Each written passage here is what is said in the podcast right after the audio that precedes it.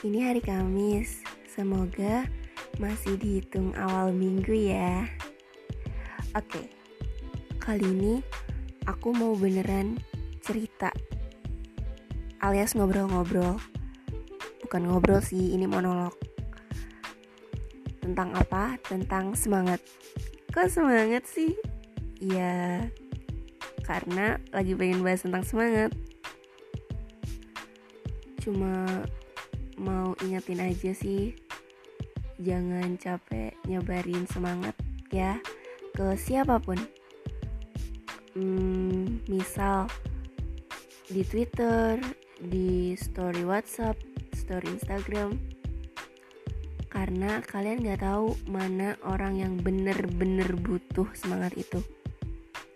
Mungkin kadang kalau kalian lagi nyemangatin orang ada aja oknum yang bilang kayak apaan sih alay? Gitu doang semangat semangat mungkin ada mungkin. Tapi jangan nyerah jangan capek ngasih semangat ke orang lain.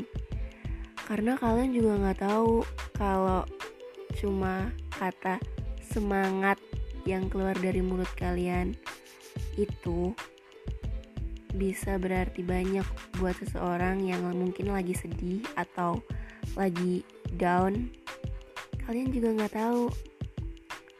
Siapa tahu kata semangat yang kalian keluarin itu bisa bikin orang mikir kayak iya aku harus semangat.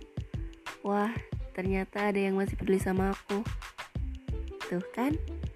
Emangnya kalian gak seneng kalau misalnya ada orang yang bisa bangkit semangat lagi cuma karena kata-kata sepele kayak gitu.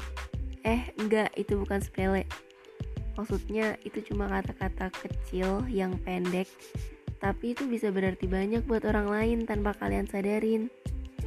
Jadi, itu juga ada salah satu poin kalau kita gak boleh terlalu dengerin hujatan netizen. Tapi, kita harus tetap sebarkan energi positif buat sekitar kita. Oke? Okay? See you.